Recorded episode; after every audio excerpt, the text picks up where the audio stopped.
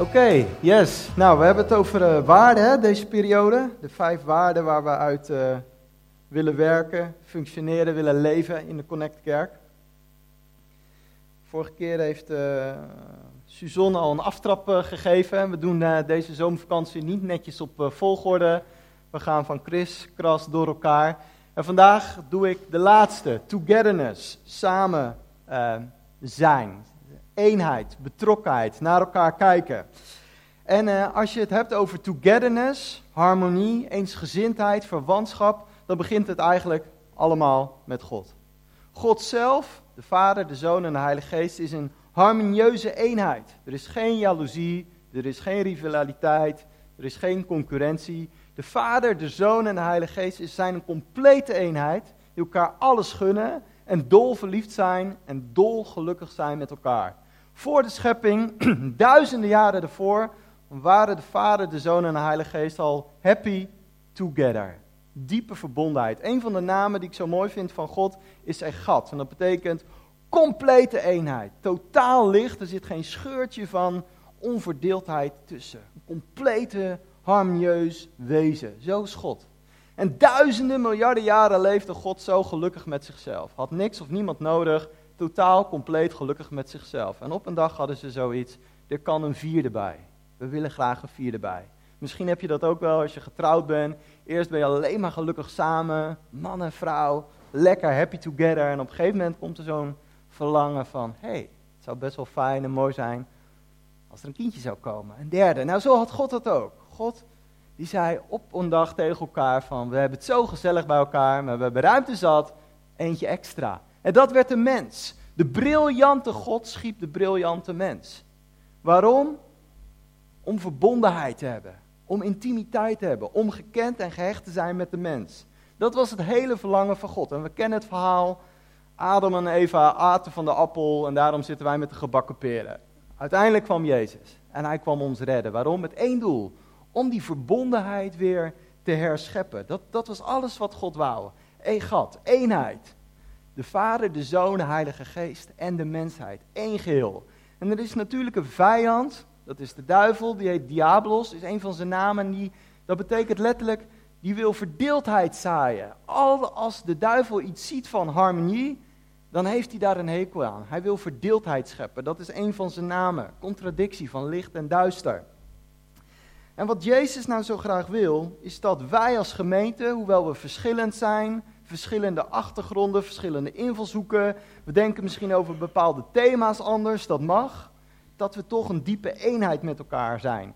Een van de woorden, als je het hebt over togetherness in het Grieks, dat is koinonia. En als je dat opzoekt in het, uh, in het Nieuwe Testament, dan heeft dat te maken met intimiteit, met relatie, met vriendschap.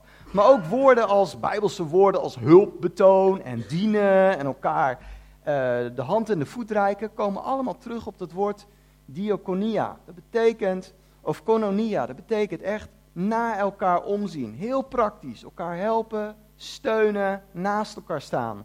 Maar ook dat woord kononia, emotioneel, met elkaar, dat mag ik als hulpverlener zeggen, met elkaar meehuilen, komt uit dat woord kononia. Maar elkaar versterken, bemoedigen, inspireren, aanvuren voor Jezus, komt ook allemaal terug aan het woord kononia.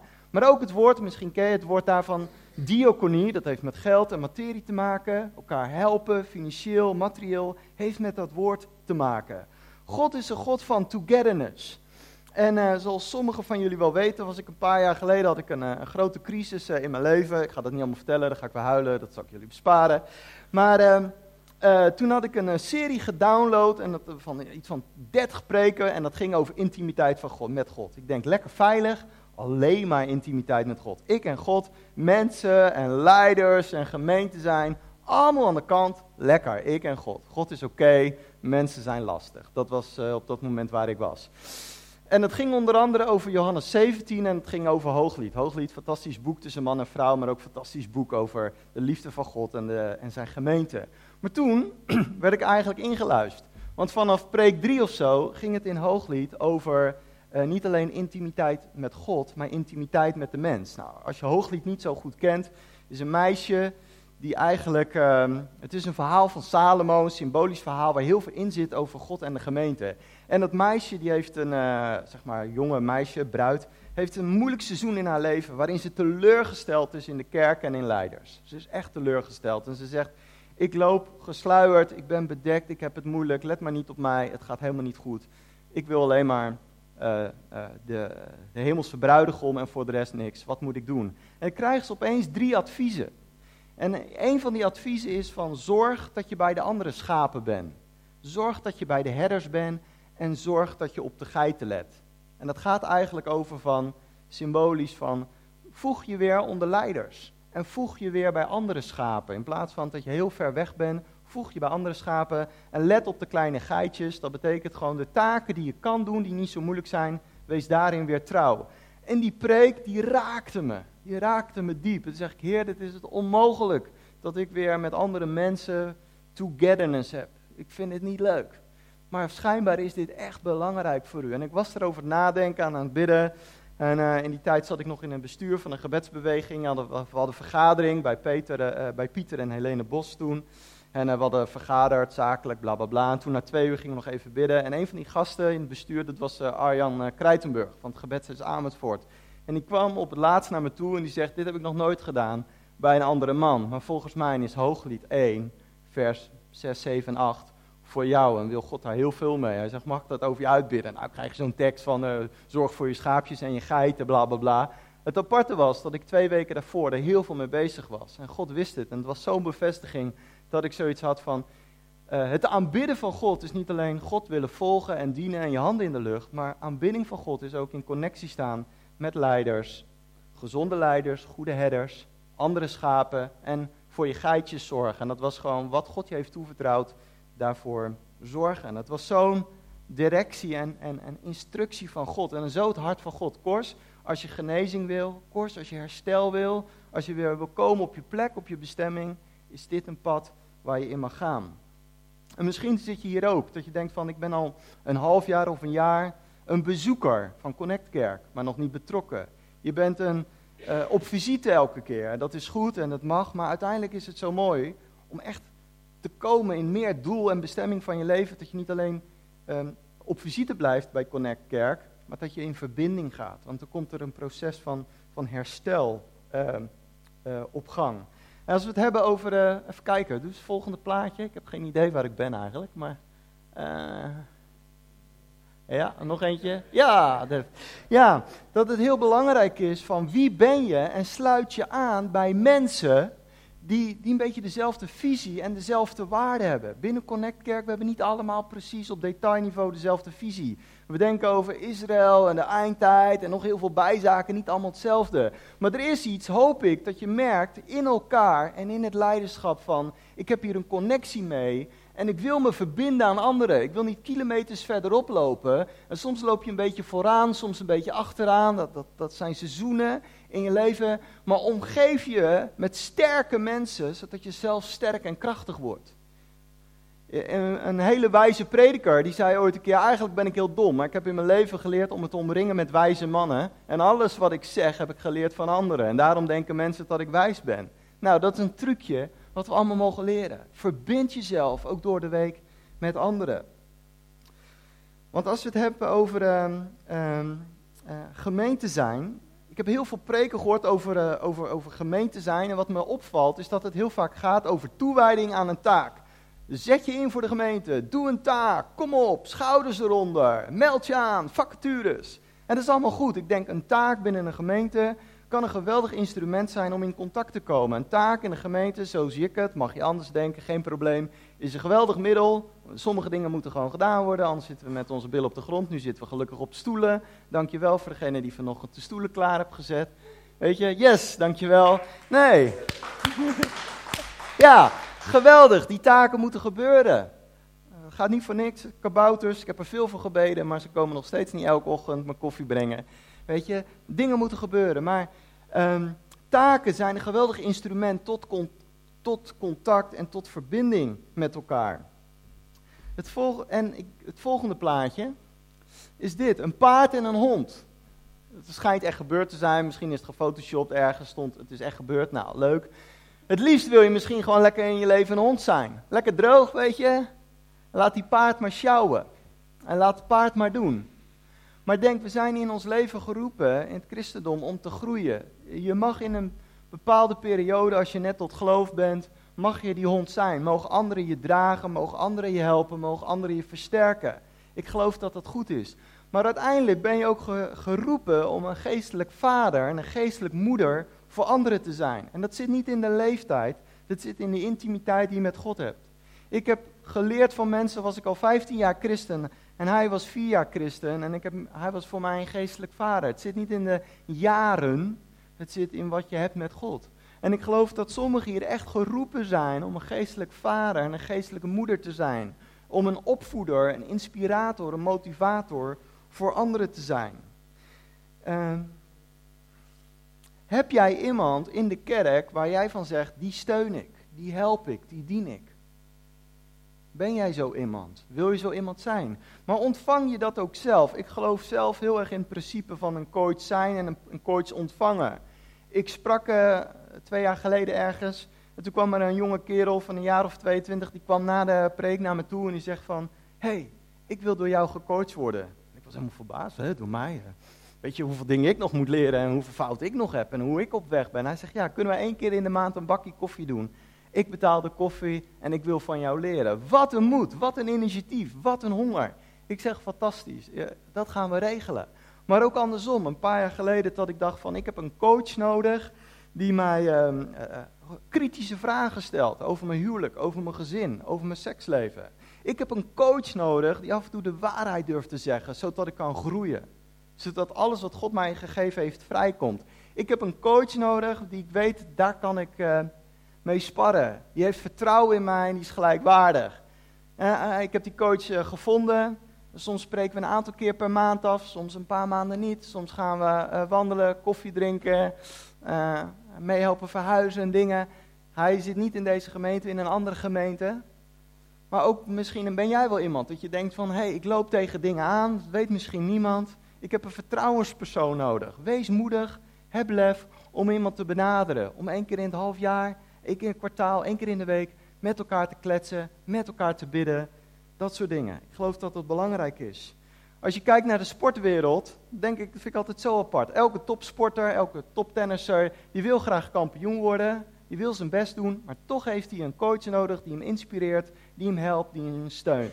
En ik denk ook in de kerk hebben we, geloof ik, eh, coaches nodig. Binnen de gemeente. Volgende plaatje, dat is een heel stom plaatje eigenlijk. Het zijn twee munten van twee kanten. En ik denk dat de kerk heel erg komt vanuit een georganiseerd instituut. Dus dat is de ene kant. Dat we zoiets hebben. Nou, de leiders van de kerk die organiseren alles. Woensdagavond de gebedsavond, zondag de heilige kerkdienst. Natuurlijk zijn we veel beter dan traditionele, maar ondertussen doen we precies hetzelfde. En het gaat vooral georganiseerd worden voor ons. Wij hoeven alleen maar te komen en ons eurotje of wat meer in een collectezak te doen en dat is het dan. Heel erg georganiseerd. En ik geloof daar deels in. Ik geloof dat de kerk, het is goed dat dingen geregeld worden. Ik geloof dat het goed is dat leiders uh, initiatief nemen, zodat er gebedsavonden zijn, zodat er zondagdiensten zijn. Dat, maar dat is maar één kant van de medaille. Dat is maar één kant van de medaille. Wat ik heel erg geloof, is dat God een accent legt op de andere kant. En dat is het spontane, het door de weekse. Waar je aansluit bij het normale leven. Als je het hebt over togetherness en toewijding en je zoekt in het Nieuwe Testament, dan zegt Paulus heel erg van help elkaar, steun elkaar, dien elkaar, zoek elkaar op in, het, in de context van het gewone, leven. Snap je wat ik bedoel? Dus heel erg, als die, als, als die zegt van wijd elkaar aan elkaar toe, help elkaar, dan is het niet alleen aan een taak op zondagochtend, maar dat is heel erg in het dagelijkse leven. En ben jij iemand die uh, zo moedig is, want je hebt er lef voor nodig, om mensen uit te nodigen. Om mensen uit te nodigen voor een bakje koffie, misschien nieuwe mensen in de kerk, om gastvrij te zijn, om, om zondag na de dienst te zeggen van joh, we gaan met de gezinnen naar de speeltuin, met elkaar kletsen, praten ik, en, en het leven met elkaar delen. Ik geloof dat daarin heel veel groei en vermenigvuldiging zit. Maar daarin kom je ook jezelf tegen. Want dan denk ik als ik iemand uitnodig van, uh, is mijn huis wel uh, netjes? Is het eten wel goed? Wat zullen ze van me denken? Dan komen al die onzekerheden naar, naar, naar, naar boven. En heel veel Nederlanders denken van, dat doen we lekker in ons eigen kleine kamertje, hebben we geen last. En dan is het lekker veilig en dan worden we niet geconfronteerd met alle dingen die, uh, die bij ons spelen. Dat doet me denken aan toen ik, uh, ik kom uit Den Haag. En toen ik daar gewoon een jaartje of 17 was, toen dacht ik, ik heb alles voor elkaar in mijn karakter. Altijd zo over die preek over karaktergroei, denk ik, waar, waar, hebben die gasten het over? Maar ik ging eigenlijk met niemand om. Ik was gewoon, ik had een oppervlakkig leven. Toen kwam ik naar Ede, en toen ging, kwam ik bij een studentenmannengroepje. En toen opeens, en in een studentenhuis, toen dacht ik, jongen, jongen, jongen, er zijn toch wel heel veel karaktereigenschappen waarin ik wat mee moet. Daar kwam ik in, in, dat kwam naar boven omdat ik contact had met anderen. Nou, na een paar jaar dacht ik van, ik ben heilig en gegroeid in karakter. Die preken van karakter, die hoeven niet meer van mij. En toen kreeg ik verkering en ging trouwen met Vera. Toen dacht ik, man, ik heb nog heel veel te leren. En dat dacht zij natuurlijk ook, op allerlei gebieden. Want in contact, in de intimiteit komt dat allemaal naar boven. Toen dacht ik na een paar jaar van, nou, nu heb ik eindelijk een volwassen gegroeid karakter. Dank u Jezus. En dan komen de kinderen, nou, dan denk je, ik moet weer helemaal uh, opnieuw beginnen met mijn karakter. Geduld, beheersing, dat soort dingen. Jongen, jongen. Dus juist als je in het spontane in verbinding komt met elkaar, daar leert meest. Je kan twintig boeken lezen over karakter, maar pas echt in contact met anderen, dan pas ga je aan de slag. Even kijken, de volgende sheet. Wie is dit? Jordi Kruijf, heel goed. Nou, Jordi, ik dacht van ik ga gewoon even nemen. Volgende. Laat staan dat Jordi, uh, mag naar de volgende sheet. Laat staan dat Jordi uh, lid wordt uh, of betrokken wordt, toewijding, want we hebben geen lidmaatschap van de Connect-kerk. En dan mogen we even oordelen, mag eigenlijk niet in de kerk, maar ik wil jullie mening vragen over, over Jordi. Jordi zit in de Connect-kerk. Drie van de vierde zondagen is hij in de kerk. Eén zondag doet hij kinderwerk. Eén avond kinderwerkvergadering. Eén avond is hij naar de kring geweest. Eén keer niet. Eén avond naar de gebedsavond. Één avond naar de livebuilding. Eén avond naar Movie Mee. Hij heeft één keer ochtend initiatief genomen om met een paar kerkvrienden te sporten. Eén zondagmiddag is, ja, dat ging gewoon zo met een ander gezin bij elkaar om te eten en daarna in een speeltuin. Eén keer heeft hij ja gezegd, dus iemand nam initiatief en hij zei ja om met iemand voetbal te kijken. En één avond heeft hij iemand geholpen met verhuizen. Yay! Nou, als je zo kijkt, wat vind je er dan van? Nou, even heel uiterste.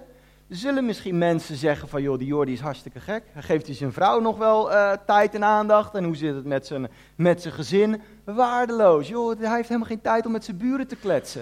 Hij heeft helemaal geen tijd om eens even een bakje koffie te drinken met, met zijn collega's. Deze man is, zit hier in een secte of zo. Veel te overdreven. Wat extreem. Eh, die, praat, die, die spreken over drie jaar wel, dan is hij helemaal burn-out. Hij is één van de drie avonden, is hij alleen maar met de kerk bezig. Die Jordi die heeft het helemaal niet begrepen, snapt er niks van. Die denkt zeker dat hij het nog moet verdienen. Weg ermee. Zo kan je reageren. Kan ook helemaal de andere kant. Dat je bijvoorbeeld wel zegt, nou die Jordi, dat is wel een voorbeeld. Als hij zegt, God is het allerbelangrijkste en ik wil bouwen aan het koninkrijk. Kijk, hij doet georganiseerde dingen, zet zich in voor de nieuwe generatie. Hij gaat naar de kring, deelt uit, fantastisch, gaat naar de gebedsavond, livebuilding. En hij is ook nog heel erg in het spontane, dus dan niet alleen tjak, tjak, tjak, maar ook georganiseerd.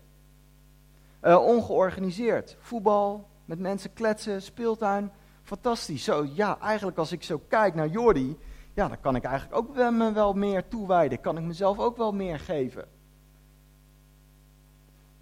En ik denk van, um, er zit natuurlijk heel veel achtergrond. Is die vrijgezel of niet? Hoe druk is die? Wat voor baan? Hoeveel contact heeft hij met ongelovigen? Misschien is dit precies wat bij hem past. Misschien helemaal niet.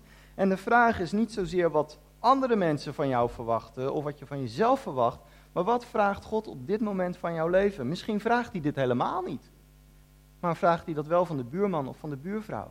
Ga biddend mee aan de slag in de zomervakantie van Heer, wat mag ik doen? Wat mag ik betekenen?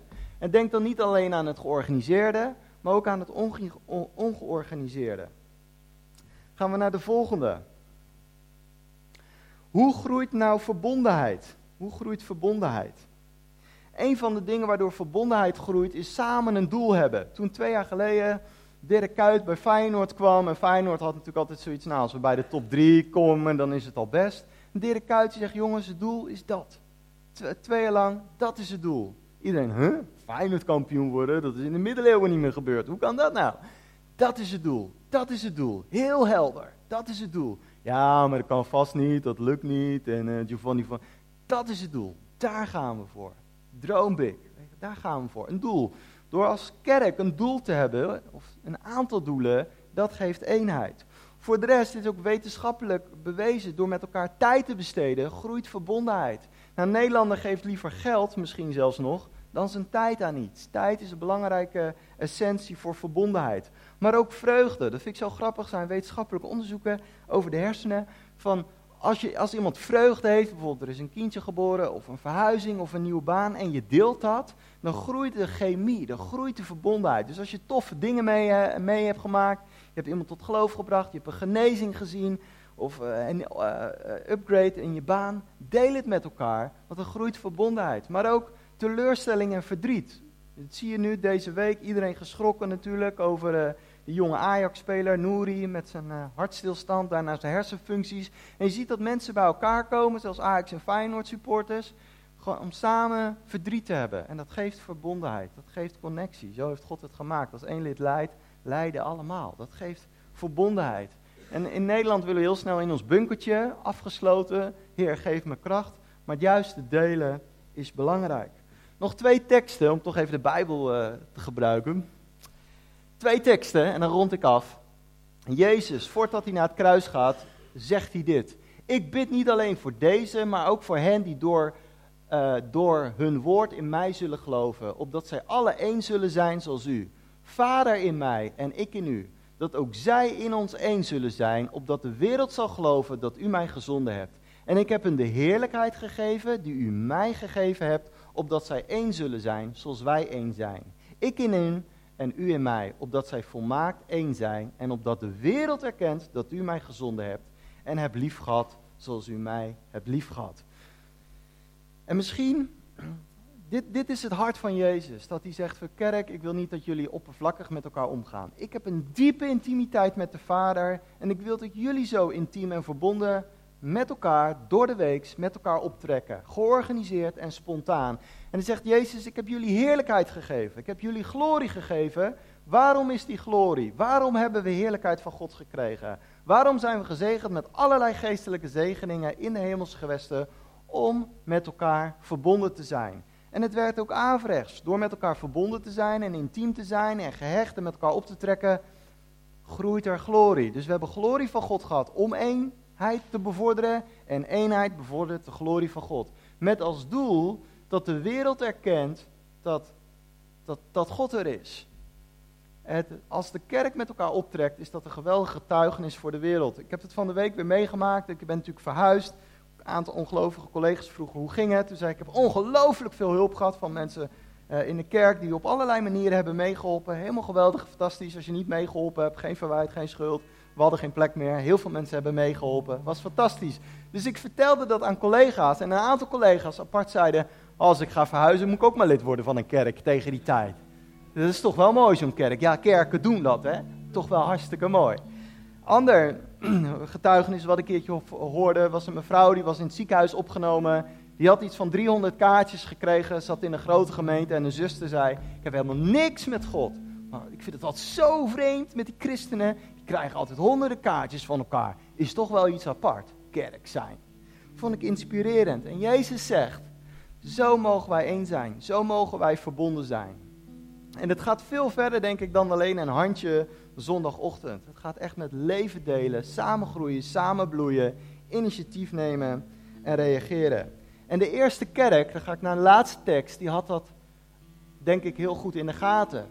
En zij verkochten hun bezittingen en hun eigendommen en verdeelden die onder allen, nadat ieder nodig had. En zij bleven dagelijks eensgezind in de tempel bijeenkomen. En terwijl zij van huis tot huis brood braken, namen zij gezamenlijk voedsel tot zich, met vreugde en in eenvoud van het hart. Zij loofden God, vonden genade bij heel het volk. En de Heer voegde dagelijks mensen toe die zalig werden aan de gemeente toe. Nou, wat zo bijzonder is, de eerste kerk was niet perfect. Er waren mensen, werden fouten gemaakt. Maar wat er, je ziet dat het uh, kononia was, diaconia, er was bezit, wat gedeeld werd. Mensen keken naar elkaar om, er was eensgezindheid. Geestelijk, oh mag nog terug, maar ook natuurlijk. En ze kwamen bij elkaar in de tempel, dus zeg maar in de kei, misschien twee keer per week, drie keer, hier staat dagelijks, om samen te zijn. Maar ze kwamen ook huis in huis, ze kenden elkaar huizen. Er was geen drempel, ze liepen de vloer, uh, de, de, de, vloer bij elkaar plat. En ze gingen avondmaal vieren, wat wij net gedaan hebben, in de huizen. Maar ook gezamenlijk voedsel, één geheel, samen eten, samen drinken. Fantastisch, ik geloof dat daar kracht in zit. En dan heb je soms, ja, maar het moet wel lekker zijn en goed. Weet je, stokbrood, gezelligheid, mensen, komt allemaal goed. En wat zie je? Als er zoveel eenheid is, als er zoveel betrokkenheid is, dat mensen worden toegevoegd. En ik vind het apart dat God zelf zegt, ik voegde die mensen toe. Dus als het huis van God een huis is van togetherness, waar je met elkaar voetbal kan kijken, waar je met elkaar tennis kan kijken, waar je met elkaar kan lachen, kan huilen, kan bidden, kan profiteren, met elkaar kan klussen, dat allemaal in één, dat is zo aantrekkelijk. Dan is de kerk een licht en een zout. En ik denk dat wij als kerk van Connect Kerk al heel goed erin zijn. Maar dat we nog meer mogen groeien. Er zijn heel veel mensen die heel erg naar elkaar omzien. Die misschien niet hier op het podium staan, maar door de week heel erg betrokken zijn bij elkaar. En namens God, dank je wel. Je bent de bouwer aan de gemeente. Die als er iemand door een moeilijke periode heen gaat of iemand heeft een steuntje nodig, dat je er bent. En God zegt, geweldig, fantastisch. Het gaat verder dan die georganiseerde stom podium. Het podium stelt niks voor, echt niet. God zegt heel erg, hoe zit het door de week? Hoe zit het in het kleine, in het trouwen? Podium is niks voor God, echt niet. Jezus had niet eens een podium. Dus het gaat heel erg door de week met elkaar optrekken en betrokkenheid. En uh, ik wil je gewoon uitdagen in het nieuwe seizoen. Hoe kan jij meer en meer in verbinding staan? Naarmate je energie, naarmate je daadkracht. Want natuurlijk, je hebt je gezin, je hebt je kinderen, huwelijk. Maar hoe kan jij een vader zijn, een moeder zijn? Hoe kan jij in verbinding staan? Als ik naar deze gemeente kijk, dan zie ik, bij, dan zie ik duizenden talenten en duizenden schatten en duizenden rijkdommen. En als wij denken dat we alleen zondagochtend dat kunnen delen, dan zijn we echt heel arm. Die duizenden talenten, die duizenden miljarden wijsheden en, en kwaliteiten die, jullie, die we met elkaar dragen, deel dat met elkaar door de week uit. Neem initiatief, zoek elkaar op. En soms ben je teleurgesteld. Soms moet ik vijf keer appen, ga je mee hardlopen? Of ga je dit, weet je? Je zult af en toe teleurgesteld worden. Maar blijf doorgaan, blijf moedig, weet je? En betrek het niet als een persoonlijke afwijzing. Als ik mensen app met initiatief van, zullen we voetbal kijken, zullen we dit en iemand kan niet. Weet je, oké, vast een goede reden. Betrek die teleurstelling niet als een persoonlijk oordeel. Blijf initiatiefvol. Blijf naar elkaar uh, omzien. Ik wil afsluiten met een gebed en dan uh, geef ik het aan, uh, aan Jona. Vader, dank u wel dat u perfecte, volmaakte harmonie bent. Vader, u bent complete togetherness. Vader, u kent ons allemaal. U kent onze wonden, u kent onze pijnen, u kent onze littekens. Maar u kent, kent ook waar het gewoon genezen is. Waar mensen niet eens meer doorhebben dat er ooit een litteken was. Vader, en als mensen hier zijn, dat je, dat je misschien heb je het idee van ik wil graag verbondenheid, maar ik ben gekwetst, ik ben teleurgesteld, ze hebben me niet gezien en niet begrepen. Vader, u bent de God van het onmogelijke. U bent de God van het onmogelijke. En waar een wond is, bidden we in de naam van Jezus, spreek uit genezing en herstel. Dat er zelfs geen litteken meer zal zijn. Dat er zelfs geen litteken meer zal zijn. Vader, ik bid uit over deze gemeente dat de gemeente zal zijn van moed en initiatief.